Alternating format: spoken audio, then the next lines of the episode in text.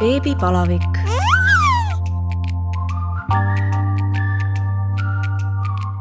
tere tulemast kuulama Õhtulehe podcasti Beebipalavik. mina olen saatejuht Katariina Toomemets ja täna on mul hea meel tervitada külalist äh, Taisit, kelle ametinimetuseks on sünnitusjärgne tuula. tere, Taisi! tere! räägi alustuseks, mida tähendab tuula, kes on tuula? tuula on siis äh, väljaõppega ja kogemustega professionaal, kes toetab naisi raseduse ajal, sünnitusel ja sünnitusjärgsel ajal. mina isiklikult olen siis valinud ennekõike selle sünnitusjärgse aja, aga samas see tuula tööpõld on nii lai, et ma ühtlasi korraldan ka beebiootuspidusid, mis on suunatud raseda naise toetuseks ja teen ka imetamisnõustamist, ehk siis äh, tuulad võivad ka koolitusi anda, et me põhimõtteliselt, me toetame naisi, me toetame beebisid ja me tegelikult toetame kogu pere. kuidas tuulaks saab? tuulaks saab niimoodi, et äh, peab olema esiteks hästi suur süda ja Eestis saab õppida tuulaks põlistarkuste ja rahvaravikoolis. et ikkagi on äh, kool olemas? et ei ole nii, et kuskil online või noh, mitte et sellest midagi halba oleks, et online kursustel koolis, okei no eh, mida siis teeb sünnitusjärgne tuula? sünnitusjärgne tuula teeb praktiliselt kõike, mida konkreetne pere, keda ta toetamas käib, vajab. ta pakub füüsilist tuge aitab hoolitseda beebi eest, mähib teda, riietab teda, käib temaga jalutamas, ähm, kui on nutt ja gaasivalud, siis aitab neid leevendada, ehk siis teeb kõiki toiminguid beebiga, teeb vajadusel toiminguid emaga, kui on vaja sünnitusjärgselt mingisuguseid hoolitsusi või kui ema seda soovib. põhimõtteliselt võib ka sünnitusjärgne tuula käia koeraga jalutamas, teha lihtsamaid majapidamistöid et see on selline füüsiline osa. nüüd äh, väga oluline on sünnitusjärgse tuulatöös ka selline emotsionaalne toetus. väga tihti äh, ma olen tajunud, et mõnikord ema lihtsalt tahab, et keegi kuulaks teda. lihtsalt istuks ta voodinurgal ja kuulaks. ilma hinnanguid andmata, ilma õpetusi jagamata ja lihtsalt ütleks, et jah, see on okei okay,, kuidas sa ennast praegu tunned. ja nii tohib tunda. Mm, ja emotsionaalse toe osas mõni ema tahab väga rääkida oma sünnitusest, mõni tahab rääkida praegusest olukorrast, emotsionaalset tuge mõnikord vajavad ka isad ja emotsionaalset tuge võivad vajada ka pere teised lapsed, kui need on olemas mm. -hmm. sellepärast, et nende elus on samamoodi toimunud väga-väga suur muutus ja kolmas osa sünnitusjärgse tuula tööst on selline informatiivne tugi. teinekord on vaja näidata, kuidas teha beebile massaaži, teinekord on vaja soovitada parimat mähkmekreemi, mõnikord on äh, vaja näidata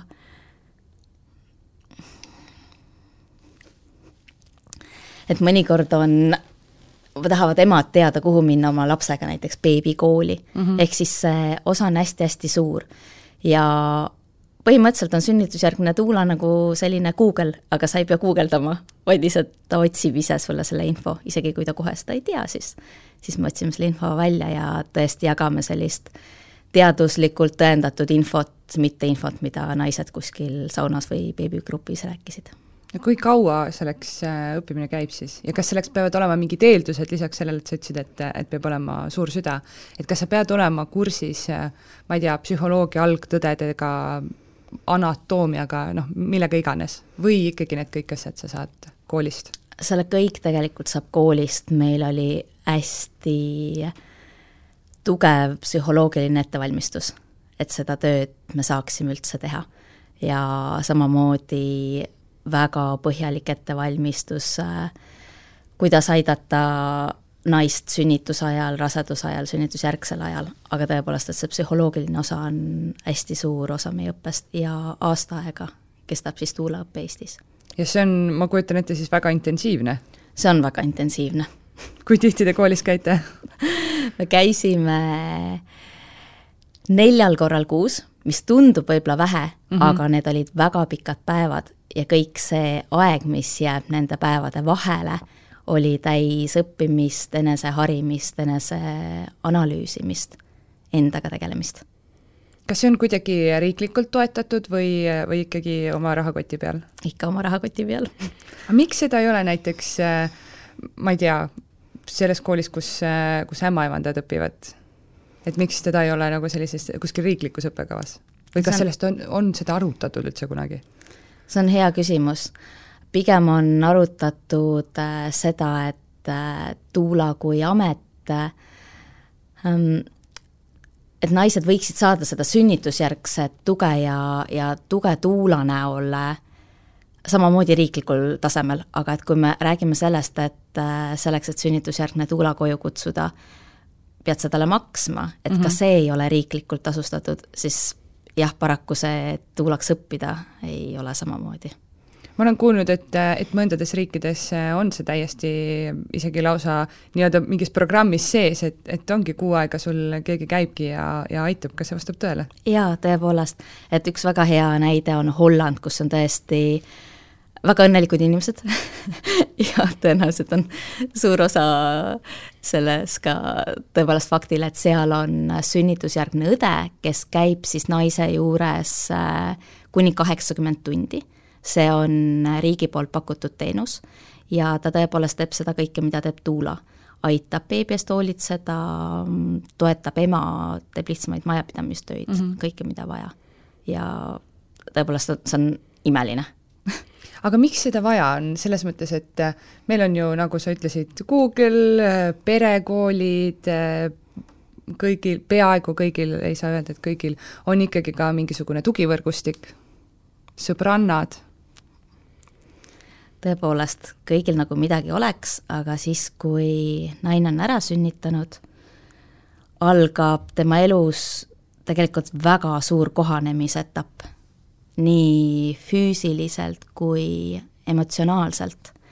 ja kui me alati räägime sellisest kolmest trimestrist, siis tegelikult äh, me peaksime valmistuma ka niinimetatud neljandaks trimestriks, mis hõlmab siis äh, kolme sünnitusjärgset kuud see on meeletu kohanemine sünnitanud naise jaoks, sündinud beebi jaoks ja tegelikult äh, kogu pere jaoks.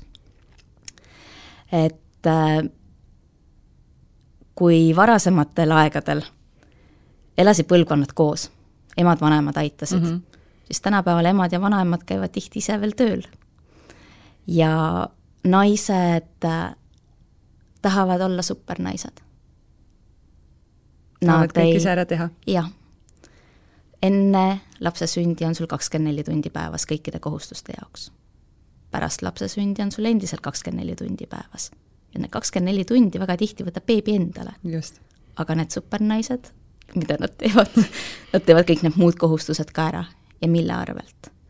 et äh, juba vanadest aegadest saadik on üldiselt mitte beebi arvelt, vaid iseenda arvelt? jaa, ilmselgelt et juba vanadest aegadest äh, alates on naisi toetatud sünnitusjärgsel ajal, erinevates kultuurides nimetatakse seda erinevalt. Eest-, vanadel eestlastel oli nurgavoodi aeg, see oli siis see aeg, kus naine sai beebiga kohaneda ja olid äh, just nimelt naissoost sugulased, kes siis tegid süüa ja aitasid äh, kõige muuga mm. -hmm. et see on oluline, et naised väärtustaksid iseennast ja võtaksid tõesti sünnitusjärgsel ajal aja maha, nad teeksid seda, milleks on sünnitusjärgne aeg loodud, kohanemiseks ja puhkamiseks, beebiga läheduse loomiseks, selleks kõigeks. Ma pean tunnistama, et äh, kui äh, meie elukaaslasega ja, ja oma värske beebiga haiglast koju saime, siis äh, ta magas, me panime ta diivanile, ta magas ja siis ma mõtlesin, et no mis ma nüüd teen, kas ma peaks hakkama koristama või vaatama telekat või mida ma tegema peaks. et selline noh, mingisugune motoorne rahutus on ikkagi sees, et et vaatad, et okei okay,, võib-olla siit oleks vaja seda kapipealset puhastada või seda või noh, see pesu jäi nüüd enne sünnitust siia kokku lappamata, et et tõesti on, on tunne, et, et ma nüüd peaks äkki midagi tegema. aga üsna kiiresti ma sain aru, et tegelikult ei ole vaja mm, -hmm. et äh, see on ilmselt ka mingi selline inimeste iseloomus, et kui palju sa suudad äh, ennast nagu vabaks lasta, et, et sa ei lasegi kuhjunud kodutöödel ennast nii-öelda morjendada? minu jaoks on alati ohumärk, kui ma lähen kas sünnitusjärgse tuulana pere juurde või lähen imetamisnõustamist tegema ja kodu on laitmatult puhas see on väga suur ohumärk, sest siis ma saan aru, et selle ema energia on läinud täiesti valesse kohta mm. -hmm. et mulle meeldivad natukene segamini kodud värskete emade juures. no sa ütlesid, et, et peaks rääkima sellest äh, neljandast äh, trimestrist rohkem, miks sellest ei räägita? kas see ongi lihtsalt see, et, et ei taha, ei taheta ennast näidata nõrgana? või mis seal taga võib olla? see on põnev küsimus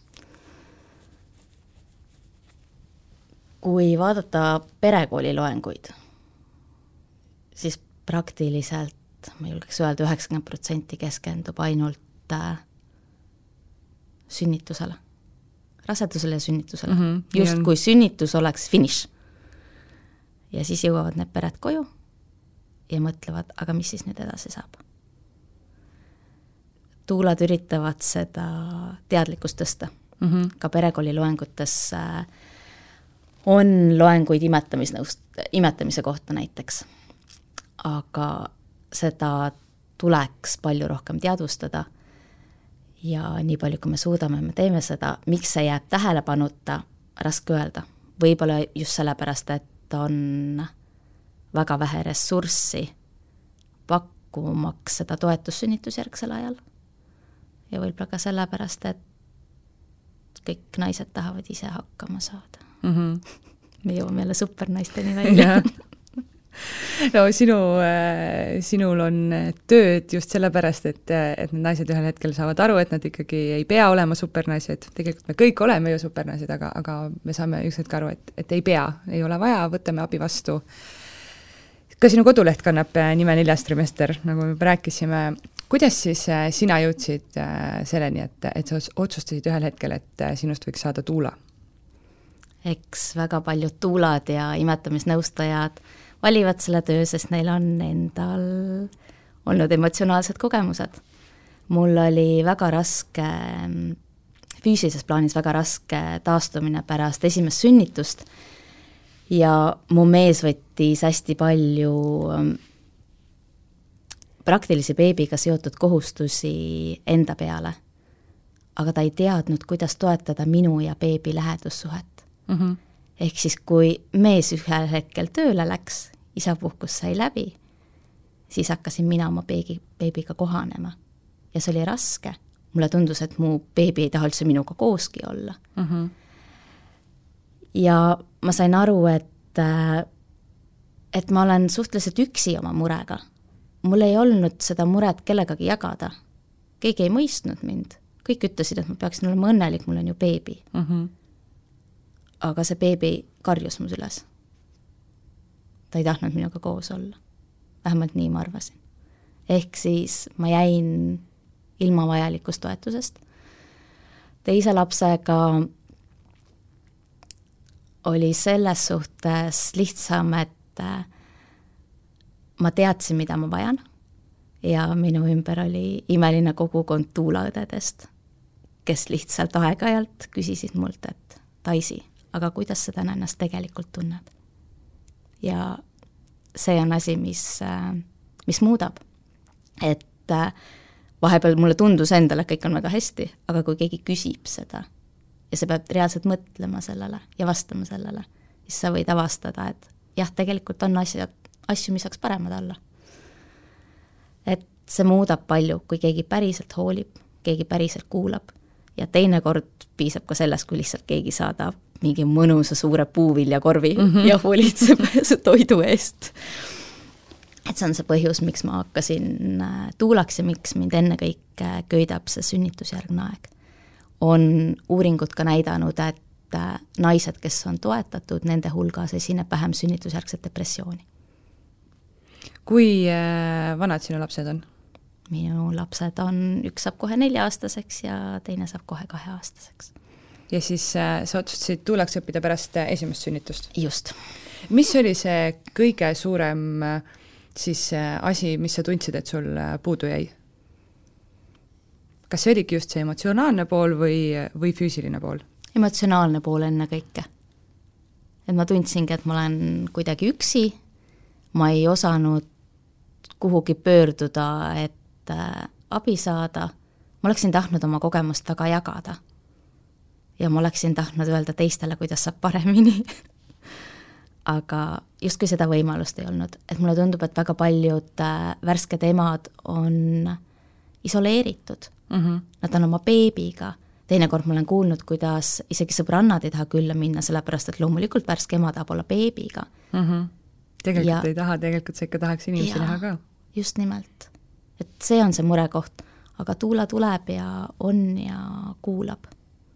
Ja vajadusel helistab ka sõbrannadele ja ütleb, et kuule hakka tulema külla no miks äh, sa ütlesid, et sinu sünnitusest taastumine oli, oli raske, kas see oli siis füüsiliselt raske või, või see oligi ähm, vaimselt keeruline? see oli füüsiliselt raske, sest mul oli keisrilõige.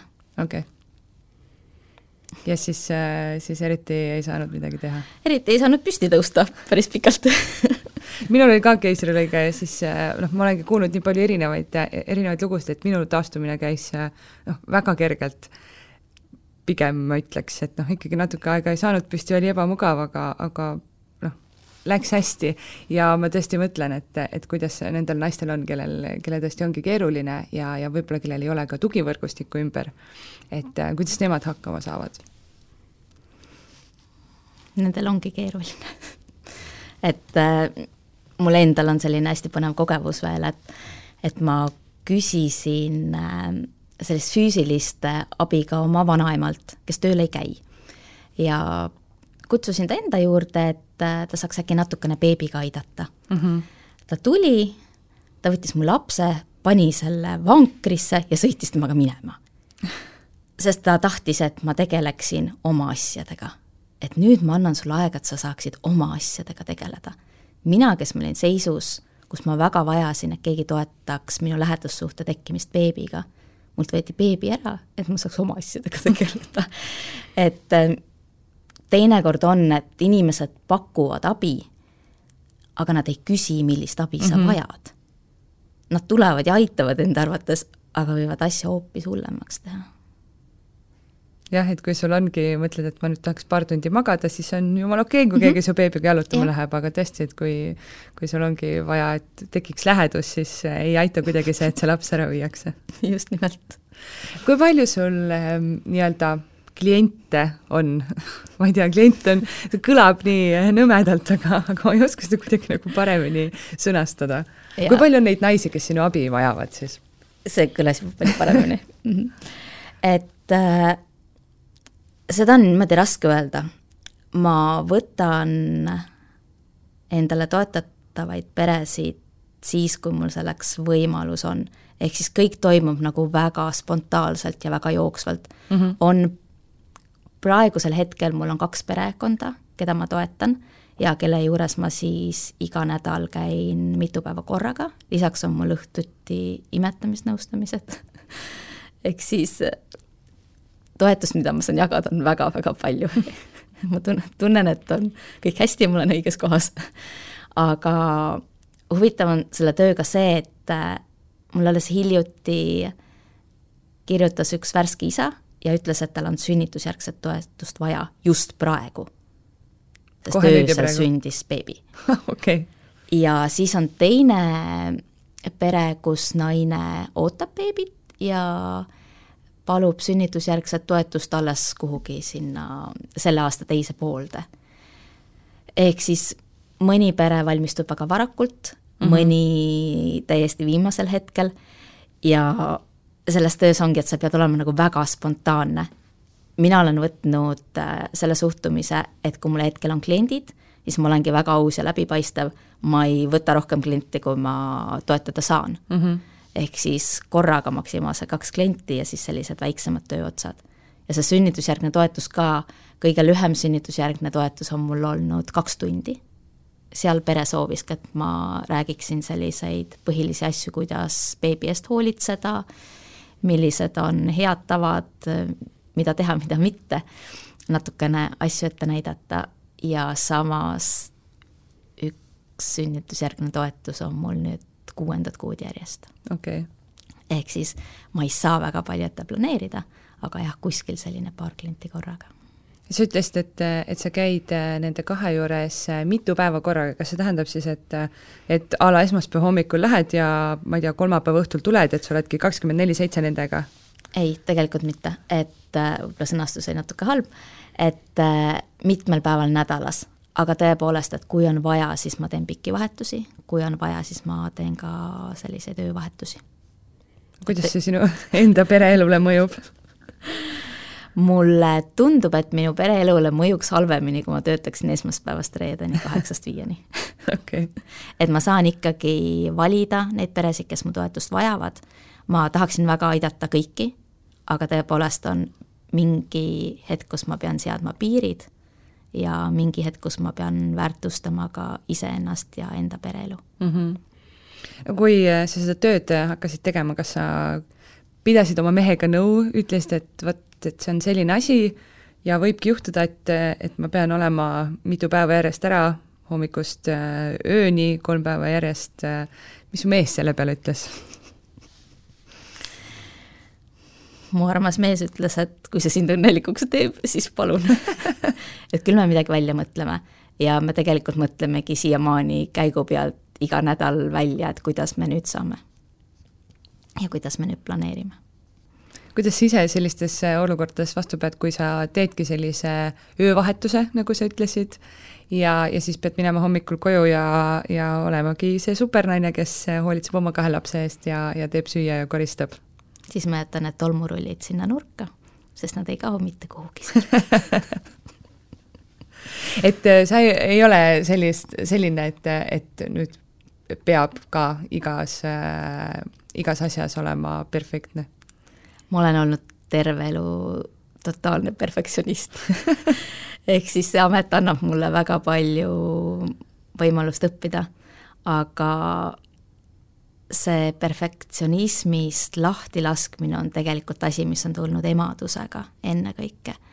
et äh, emaks saades on minu suurim õppetund olnud see, et ära eelda midagi, ära oota midagi ja mine lihtsalt vooluga kaasa kirjelda mõnda oma sellist äh, äh, töönädalat siis äh, nii-öelda, et äh, kas sa käid ka perede juures nii-öelda vaheldumisi või on ikkagi, et äh, ongi umbes esmaspäevast kolmapäevani on üks pere, siis kolmapäevast reedeni on teine pere või on ikkagi nii, et et võib juhtuda, et sa käid mõlema juures ka samal päeval, et kuidas see välja näeb? see oleneb täiesti, kuidas ma saan perega kokkuleppele, et õnneks on siiani äh, kõik toetatavad pered olnud hästi mõistlikud, ma olen kohe öelnud, et mul on endal ka kaks last, kes vajavad mu tähelepanu ju. ja on selliseid päevi, kus ma käin ainult ühe pere juures, aga on ka päevi, kus ma olen hommikul ühe pere juures ja õhtul teise pere juures, aga siis tavaliselt järgmise päeva ma jätan täielikult sada protsenti enda laste jaoks mm. -hmm kas mõni pere on juba selline ka, kes on sulle külaliste toa juba sinu toaks nii-öelda teinud? enamik peresid teeb seda ma küll ei kasu, ei ole kasutanud seda võimalust, aga, aga jah, põhimõtteliselt, et ma tean, et ma olen alati teretulnud.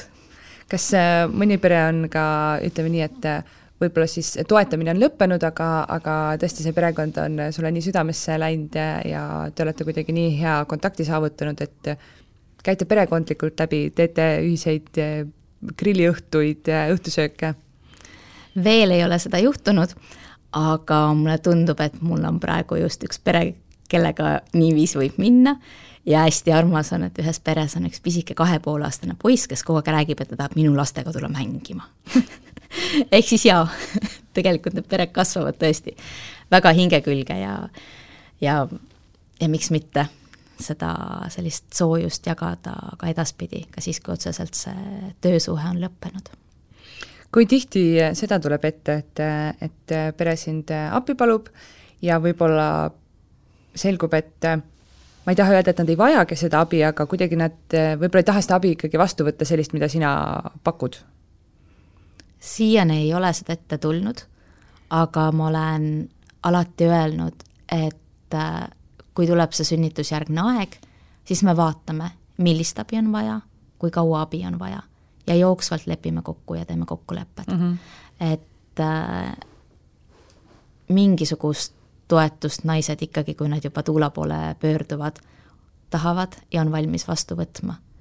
aga et seda, kui pikalt, sest kunagi ei tea, milline see mm -hmm. beebi on, kes sünnib, kas ta magab hästi, kas tal on mingisuguseid muresid või on hästi rõõmus kogu aeg.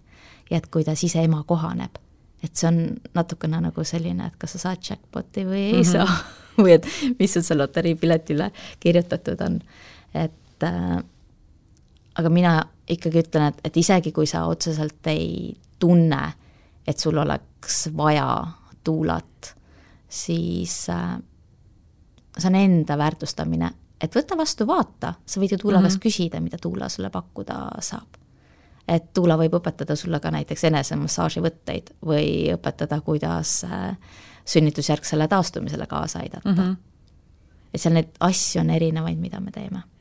ehk siis ikkagi kõik äh, pannakse paika nii-öelda jooksvalt, et sa ei tee ette mingisugust Exceli tabelit, et vot nüüd meil on sellised teenused ja, ja muud ei paku mina isiklikult küll jah, ei tee mingisuguseid asju ette ja ja olemegi jooksvalt kõike vaadanud kas sind saab ka võtta siis sünnitoetajaks sünnitusele?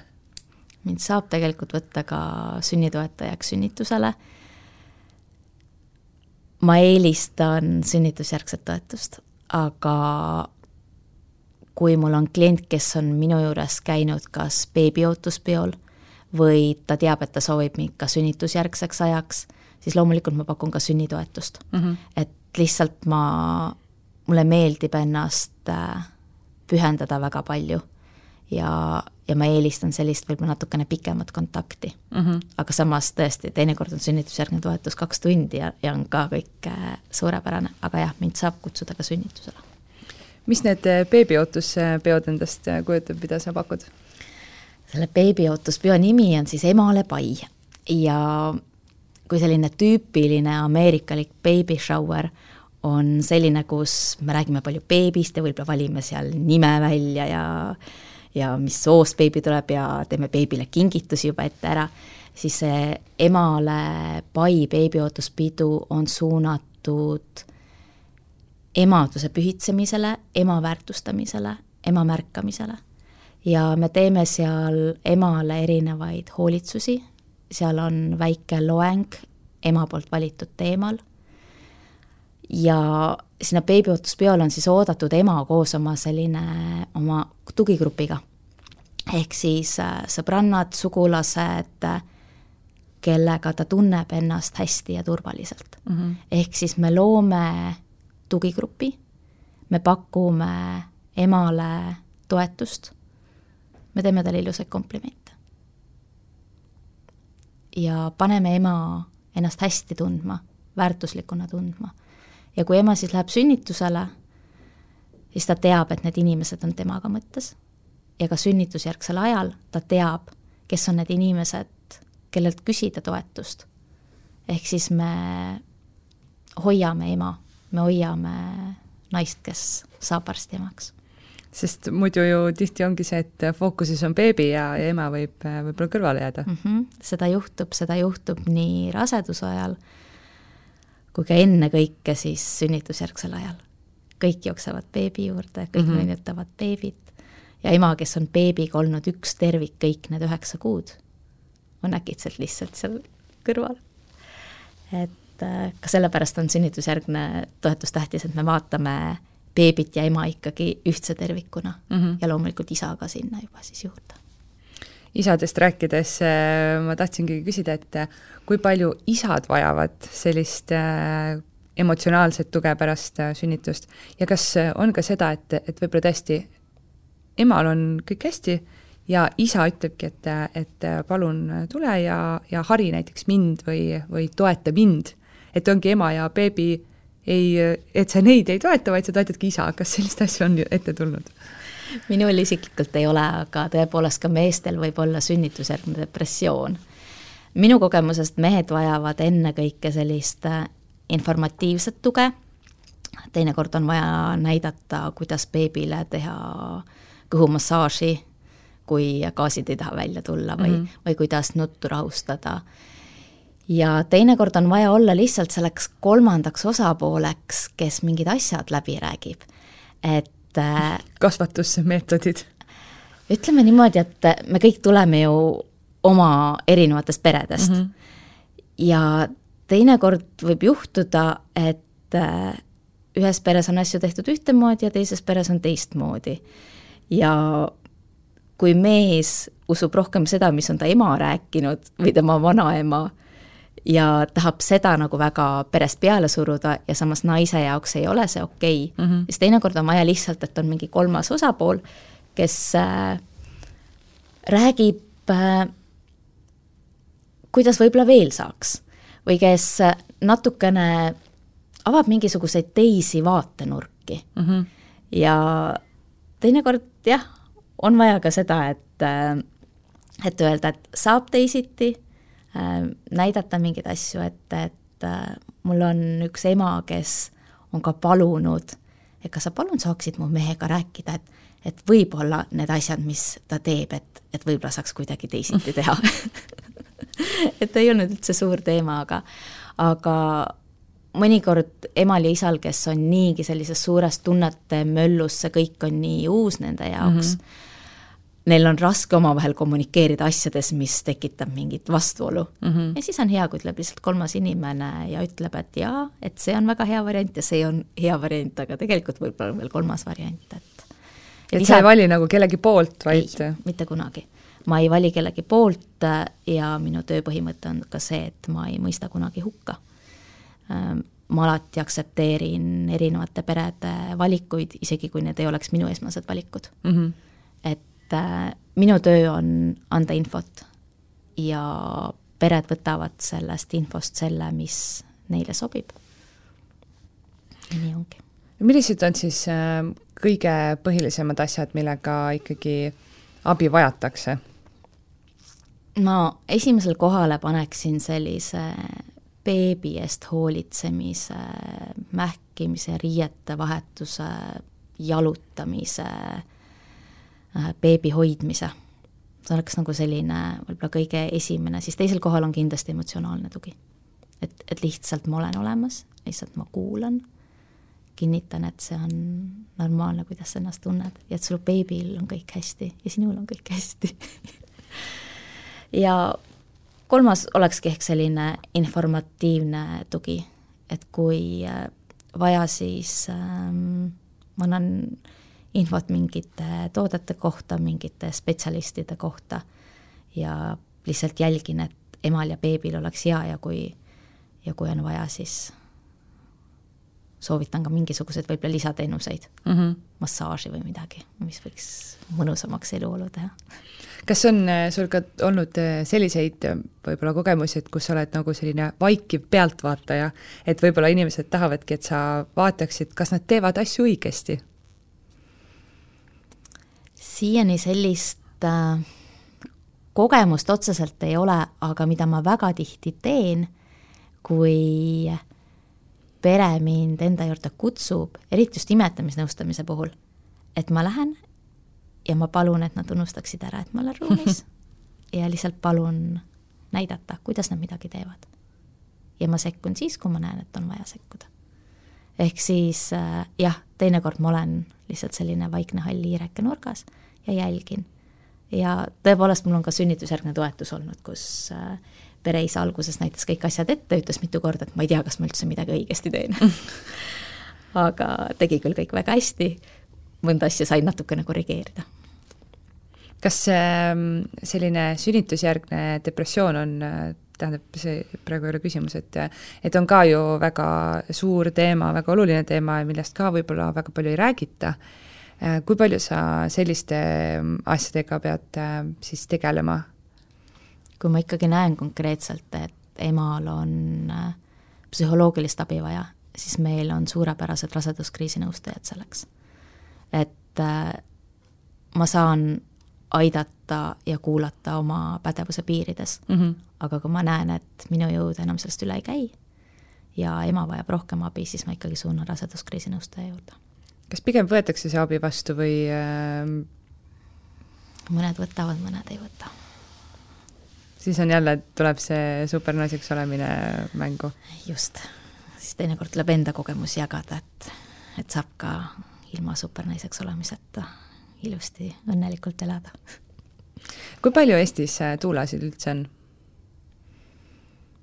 kas see on kuidagi, on teil oma mingi selline kogukond, et te kõik tunnete üksteist või, või äh, ei ole sellist nii-öelda nimekirja kuskil kirjas? Eestis on lõpetanud, äh, kui ma ei eksi, kolm tuulade lendu ja suurem osa meist kuulub Eesti Sünnitoetajate Ühendusse. et Eesti Sünnitoetajate Ühenduse lehelt on võimalik ka siis vaadata tuulade nimekirja, mida keegi pakub, millise ettevalmistusega keegi on, et lisaks sellele koolitusele, mida pakub äh, põlistarkuste ja rahvaravi kool, on kõik tuulad ikkagi natukene erineva ettevalmistusega vastavalt sellele, et milliseid täiendkoolitusi nad on läbinud mm. -hmm. ja see tuulaks olemine, see ikkagi nõuab sellist pidevat enesetäiendamist mis teemadel te ennast, äh, näiteks mis äh, oli viimane koolitus või, või enesetäiendus, mis sina tegid? minul oli lastemassaaži koolitus. Kas see on siis, äh, sellepärast peab ennast kogu aeg koolitama, et noh, aeg läheb edasi, võtted muutuvad või, või mis seal siis muutub? selles on sul õigus, et aeg muutub, tulevad jälle uued teaduslikud uuringud, asjad aga minu jaoks ennekõike on see selline elukestev areng, et sa ei saa selles töös lihtsalt jääda, jääda oma nende baasteadmiste juurde mm. -hmm. sellepärast, et mida rohkem sa oskad, seda rohkem sa saad abistada ja meie eesmärk on ju seda teha. sina oled äh, ühtlasi ka imetamisnõustaja. imetamine on äh, minu arust ka selline teema, mis äh, võiks ju arvata, et kõik naised oskavad seda, et sa juba haiglas hakkad oma last enamasti rinnaga toitma ja ja nii on, aga, aga tegelikult ka jälle ei räägita, et ei räägita väga tihti avalikult sellest, et, et see ei pruugi olla väga kerge teekond. imetamine jah, on väga loomulik tegevus ja siis tundubki, et seda ei pea õppima. aga väga paljusid loomulikke asju me ikkagi õpime. ja tõepoolest, imetamine on õpitav seal on põhitõed, mis nagu vähemalt põhitõed võiks endale selgeks teha juba raseduse ajal. Ja on emasid, kellel sujub imetamine kohe esimesest hetkest, kelle beebi haarab ilusti rinda, piima jätkub, kõik on suurepärane. ja siis on need emad, kellel ei ole see teekond mitte nii lihtne. aga siin saabki siis imetamisnõustaja saab aidata ja nagu ma ütlesin juba siin meie vestluse alguses, et mõnikord on kõik juba päris hästi, aga ema vajab lihtsalt seda kinnitust, et kõik on hästi. ema lihtsalt tahab, et ta ära kuulataks mm. -hmm. mis siis äh, on äh, võib-olla need asjad, mida üks ema peaks äh, kas või siis enne lapse saamist juba imetamise kohta teadma või, või siis õppima? ma arvan, et kõigepealt võiks endale selgeks teha, mis asjad on müüdid ja mis on tegelikkus. Et neid müüte liigub liiga palju ja need on väga tihti pärit meie emadelt, meie vanaemadelt. me oleme liiga palju kuulnud seda, kuidas piim on lahja, kuidas piim saab otsa, kuidas nibud äh, ei ole sobivad imetamiseks kuigi tegelikult äh, on väga vähe juhtumeid, kus tõesti nibud ei ole sobivad. et äh, me saame alati ikkagi mingeid lahendusi pakkuda, aga piim ei ole kunagi lahja. ja piim ei saa otsa niikaua, kuni rinda stimuleeritakse ka siis beebi või rinnapumba poolt, et piim on olemas. et kõigepealt jah, teha need müüdid endale selgeks ja teine asi võib-olla sellised tõesti täiesti imetamis, milline on selline hea imetamisvõte ja, ja üks asi, mida võiks kõik emad meeles pidada, on see, et äh, pärast sünnitust võiks pakkuda beebile hästi palju nahk-naha kontakti. et seda küll räägitakse, see tundub lausa nagu klišee, kui ma pean seda ütlema, aga samas, kui ma käin imetamisnõustamist tegemas, siis siiski emad tõstavad, nad imetavad oma lapse ära ja tõstavad ta kuhugi voodisse eraldi eemale, endast kaugele ja see mõjutab piimatootlust paraku. et äh, mulle väga meeldib äh, see mõte, et laps on kolm triimestrit ema kõhu sees ja neljanda triimestri võiks laps veeta ema kõhu peal. ehk siis ühel pool nahka ja teisel pool nahka. ehk siis ära muretse, kui su laps äh, jääb sinu rinnal magama ja tahab sinu süles magada, see on täiesti okei okay.. jaa, see on täiesti okei okay,, sellepärast et see on kõige turvalisem koht. see on ainuke koht, mida laps tunneb ja teab. Miks öeldakse siis, et äh, piim on lahja, mille põhjal? ja miks ta ei ole või miks, millest tekib siis see arvamus, et, et kas mu piim on liiga lahja, kas sellepärast, et beebi ei võta juurde või ta ei taha? see on tõenäoliselt jah, tekkinud sellest, kui beebi kaaluiive on äh, madalapoolne. aga piim ei ole kunagi lahja. Kui beebi iive on, kaaluiive on madalapoolne, siis sellel on ikkagi mingisugused muud põhjused. ja selle rinnapiimaga on hästi äh, tore lugu see, et äh, rinnapiima koostis muutub pidevalt. see on imetamise alguses, rasvaprotsent on väiksem, imetamise lõpupoole läheb rinnapiim rammusamaks. rinnapiima rammusus sõltub ka aastaajast, suvel kuuma ilmaga on see selline natukene vesisem, sest beebi janu leevendada mm. -hmm ja väga külma ilmaga võib olla jälle natuke rasvasem ja ka ööpäevaringselt muutub rinnapiima selline rasvaprotsent. et see on hästi põnev maailm, seega me ei saa öelda, et rinnapiim oleks äh, lahja no mis on veel sellised äh, väga põnev, väga põnev, imetamise müüdid on väga põnev, kuna ma ise oma last imetan, siis, äh, siis see mind kuidagi väga nagu köitis praegu, et äh, millised veel on sellised äh, suured müüdid seoses imetamisega ja mis siis äh, tegelikkus on? see, et piim saab otsa. et lihtsalt ühel hetkel sai piim otsa. ema mitte midagi ei muutnud, piim sai otsa. aga siis, kui hakkad uurima lähemalt, siis selgub, et tegelikult olid seal mingisugused faktorid, mistõttu piim otsa sai. et ei saa olla niimoodi, et naine imetab, imetab, imetab, imetab, ühel hetkel piima ei ole. vupsti kadunud. et äh, siis on ikkagi, et kas need imetamiste vahed on läinud liiga pikaks, sellepärast et naise keha, naise rinnad reageerivad nõudlusele. mida rohkem rinda stimuleerida, seda rohkem rind piima toodab. Rinnapiim saab otsa siis, kui rinnad ei saa enam stimulatsiooni. siis saab rinnapiim otsa. aga mitte niimoodi, et, et ühel hetkel see on vupsti kadunud.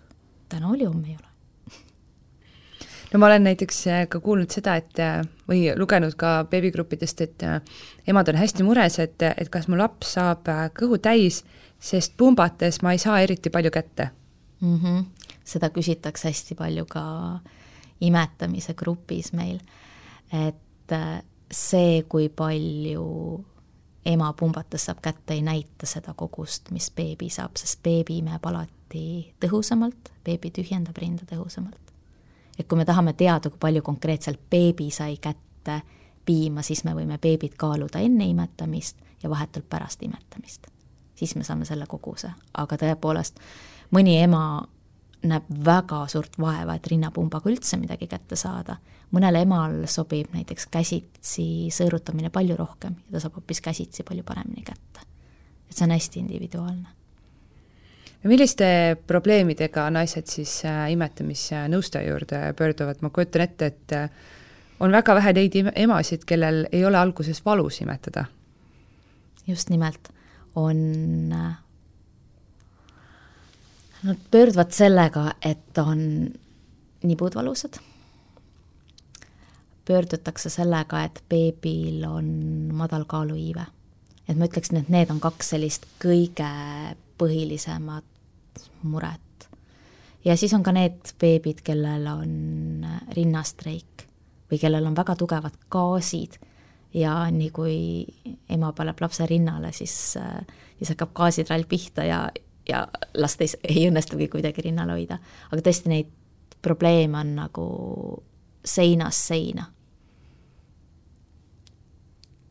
ja mis, mis siis lahendus on, näiteks kui enamasti, kui ütleme, naine tuleb, ütleb, mul on õudselt valus imetada, siis mis tavaliselt võib-olla põhjuseks on? see sõltub sellest, milline on see valu iseloom kas see valu on ainult sel hetkel, kui beebi panna rinnale või see valu jätkub ka imetamise ajal või kas see valu on ka imetamise järgselt. ehk siis mina imetamisnõustajana alati kuulan selle mure ära, võtan sellise taustaloo ja seejärel hakkan lahendama seda olukorda, välistades teatud asjad ja liikudes mingites suundades edasi ja vaadates, et kuhu see asi viib. teinekord on asi väga lihtne, sa näed kohe, et imemisvõte on valus, ema kirjeldus vastab sellele, aga teinekord läheb kauem aega, et aru saada. teinekord on asi selles, et on pärmseen hakanud vohama, mõnikord on ema saanud külma ja sellest on tekkinud rindeprobleemid, mõnikord on piimajuhad läinud umbes mm. -hmm et, et neid valupõhjuseid võib olla erinevaid, aga siis sa valu iseloomu järgi oskadki seda hinnata. ja vaatad ja suunad ja, ja teinekord äh, on äh, vaja veel ka tagasi minna või ka ema siis edasi nõustada, kas emaili või telefoni teel. haiglas äh, on ju ka imetamisnõustajad, kes siis vaatavad ja, ja pärast äh, sünnitust saab äh, näiteks, kui mina, mina sünnitasin ITK-s, siis umbes nädal pärast sünnitust ma käisin ka imetamise nõustaja vastuvõtul ja ta ütles, et kõik võte on väga ilus, aga ikkagi kodus imetades mul oli kogu aeg valus. Ja siis äh, ja mina siis kutsusin Sietist endale, endale nõustaja koju ja selgus, et et lihtsalt minu asend ei olnud eh, noh, eriti hea, et ma istusin niimoodi hästi kangelt, mul oli see imetamispadi ja siis ma olin terve, keha oli niimoodi kange, siis eh, selja taga oli veel rida patju, et hästi sirge seljaga, siis ta ütles kohe, et aga mis sa arvad, võtame sul need padjad ära. kuule, et seal on tumba, et paneme sulle see tumba, pane oma jalad tumba peale, lase ennast siia lebosse ja nüüd võta see laps ja suurepärane, mul ei olnud valus. siis ma sain aru, et, et äh, haiglas käies siis äh, konsultatsioonis oli diivan õige kõrgusega, padi õige kõrgusega, kõik asjad olid täpselt õiged ja siis, kui ma tulin koju, siis ma kuidagi üritasin koduste vahenditega võib-olla alateadlikult siis sedasama nagu olukorda luua. aga see kõik lõppes sellega, et mul oli pärast õlad olid valusad, kael oli valus ja imetada oli ka valus. jaa, tõsi on see, et äh, haiglas meil on üks keskkond ja kodus meil on hoopis midagi muud ja nii sünnitusjärgse toetuse kui imetamisnõustamise puhul üks asi, mida ma teen, on ka see, et et ma hindan seda keskkonda mm, -hmm. et võib ka olla, et beebi jaoks on liiga palav, beebi jaoks on liiga valge. just nimelt ema asend võib olla ebamugav. teinekord on tükk tegu, et maja pealt leida üles see õige tool või diivan, kus emal tõesti oleks mugav mm -hmm. imetada. kas me paneme siis kolm patti alla või paneme kaks, mingisugused pisiasjad on teinekord need, mis äh, muudavad seda lõpptulemust väga palju. enne müütide juures sa ka mainisid ähm, gaase ja on olnud, ma olen kuulnud kaht varianti. ühed, kes ütlevad, et ematoit mõjutab väga palju seda, kas lapsel on gaasid, ja teised, kes ütlevad, et ematoit ei mõjuta absoluutselt beebi seedimist ega gaase. kumb siis õige on taas suurepärane küsimus. ei ole leitud seost, tegelikult teaduslikku seost ei ole leitud selle ema toitumise ja lapse gaaside vahel. seega lihtsalt hirmus ära jätta mingisugused teatud toiduained, sellel ei ole mõtet. et emad ei tohiks ennast selles suhtes piirata. küll aga on väga palju naisi, kes teavad, et vot täpselt siis, kui ma joon kiisavaid jooke. täpselt siis, kui ma söön hapukapsast, siis tulevad beebil gaasid. kui tõepoolest ema märkab seost, siis tõenäoliselt on see seos olemas. teaduslikku tõestust ei ole, aga kui ema ongi see tõestus, siis jah, võib need asjad ära jätta. jaa, mina mäletan, et äh, esimesed mingisugune kaks nädalat oli küll mul oli jube Coca-Cola isu kogu aeg, ma võisin seda liitrite viisi päevas juua ja siis ma sain aru, et beebile vist väga hästi ei sobi. ja siis ma raske südamega jätsin selle Coca-Cola joomise ära ja läks paremaks, aga ikkagi mind on alati painanud see küsimus, et, et kumb siis on õige, et kas siis minu toit tekitab talle kaasa või ei tekita mina võin öelda, et minul oli väga suur fantaisu pärast tütre sündi ja ta muutus palju nutusemaks ja tõesti, see tekitas temal kõhuvalusid.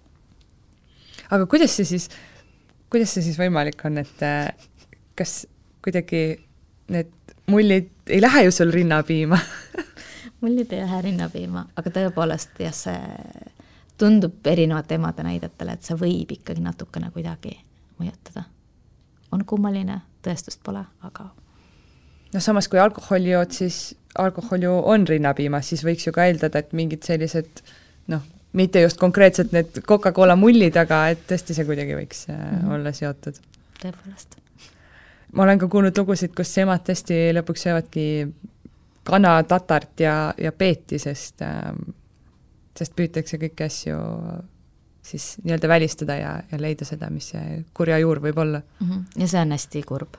see on nagu tõsiselt kurb praktika, et äh, sellepärast ma alati ütlen, et süüa võib kõike mis sind õnnelikuks teeb. et jätame tõesti need väga kahjulikud harjumused välja. aga muidu küll, et lihtsalt me ei taha, et imetav ema, kellel nagunii on veidi suurenenud toitainevajadus, jätaks ennast kuidagi ähm, nukrasse seisu mm. -hmm. sest kui ta veel beebit imetab, siis lõpuks on ta väga-väga nukras seisus, see keha, et see organism ei pea ju vastu. et lisaks sellele, et kalorid kuluvad, ka vitamiinid ja. lähevad ära ja eks naise organism tahab ikkagi hoida ju beebit hea tervise juures. siis annab kõik ära. just. no selle äh, rinnapiima lahjasuse ja, ja mittelahjasuse sa juba äh, rääkisid, aga ma olen kuulnud ka seda, et, et näiteks kui äh, siis kas ema on haige või beebi on haige, et siis ema annab siis rinnapiimaga talle antikehi? jaa, just nimelt. et kui ema on haige, siis tekivad võtta rinnapiima antikehad ja siis beebi saab need enda kaitseks endale rinnapiimaga. et tõesti, naise keha on imeline, et nii imetamise mõttes kui kogu selle raseduse kandmise ja sünnituse mõttes. see on fantastiline, et minu kummardus tõesti kõikidele naistele ja kõikidele emadele. et isegi, kui need tolmurullid on kuskil nurgas, siis te olete superemad ja see, mismoodi naise keha töötab, on maagiline. et sa tegid enda sees valmis inimese ja sa toodad talle ise toitu mm. -hmm, just. ja ma olengi pidanud äh, ka ütlema emadele seda, et, et kui see beebi sai söönuks üheksa kuud sinu kõhus, sa ei muretsenud selle pärast, et kas tal on kõht täis või tühi, siis miks sul on eelarvamus, et nii kui ta kõhust välja tuleb, jääb ta kohe nälga. et et äh, on emasid, kellel on pidev hirm, et nende beebid on näljas ja sellel tegelikult ei ole mingisugust alust.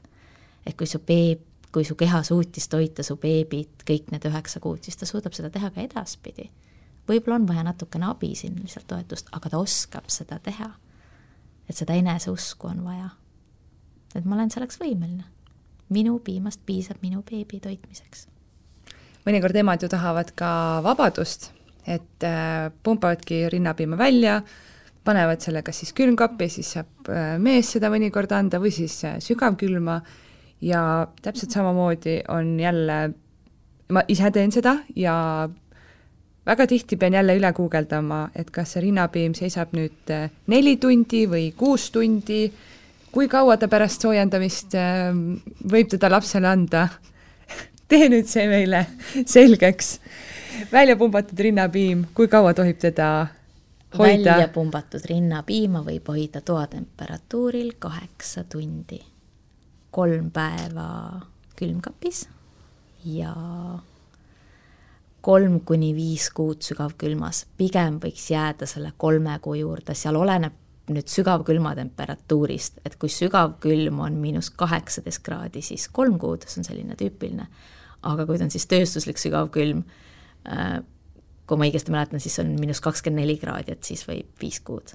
aga et lähtume sellest, et kaheksa tundi, kolm päeva ja kolm kuud. ja kui siis pärast kolme kuud on mingisugused rinnapiimavarud, siis tegelikult sellest võib lasta teha seepi. või panna beebi vannivette, ma olen kuulnud. just, või vannivette või endale peale määrida. aga okei okay,, kui ma nüüd võtan selle piima välja sealt sügavkülmast mm, -hmm. oletame, et ma näiteks olen terve päeva ära, hommikul võtan kõik välja, siis äh, või juba eelmisel õhtul ja kõik need on mul sulanud seal hommikul külmkapis, kui kaua ma neid tohin äh, hoida ja kui ma teen siis selle pudeli soojaks, siis kui kaua ma võin seda pudelis soojaks tehtud piima beebil anda? ma soovitan ära kasutada kõik asjad esimesel võimalusel.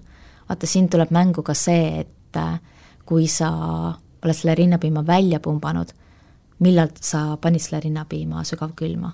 kui sa pumpasid välja ja panid kohe, sulatasid üles, siis sa võid julgelt seda sealt terve päeva külmkapis hoida mm. -hmm. kui sa oled soojaks teinud, siis uuesti soojendada ei tohi mm. -hmm beebi tahab kuskilt kehatemperatuuri rinnapiima.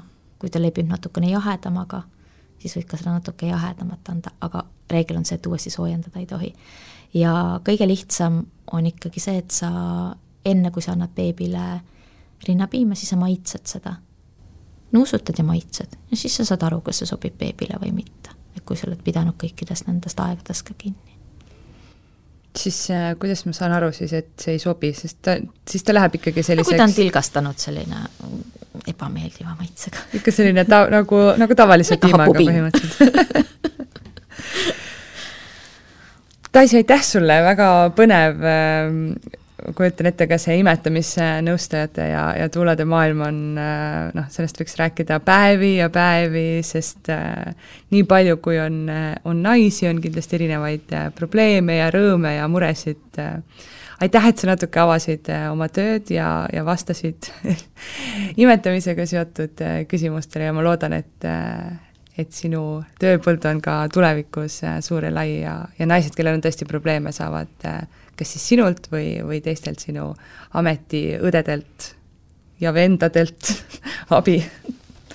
ja ma tänan sind kutsumast ja tõesti panen kõigile naistele südamele, et valmistuge sünnitusjärgseks ajaks samamoodi, nagu te valmistute sünnituseks ja väärtustage ennast sellega, et te võtate selle toetuse vastu, selle armastuse ja helluse. aitäh ja aitäh kuulamast! Kuula beebipalavikku üle nädala neljapäeviti Spotify'st, iTunes'ist või kust iganes oma podcast'id leiad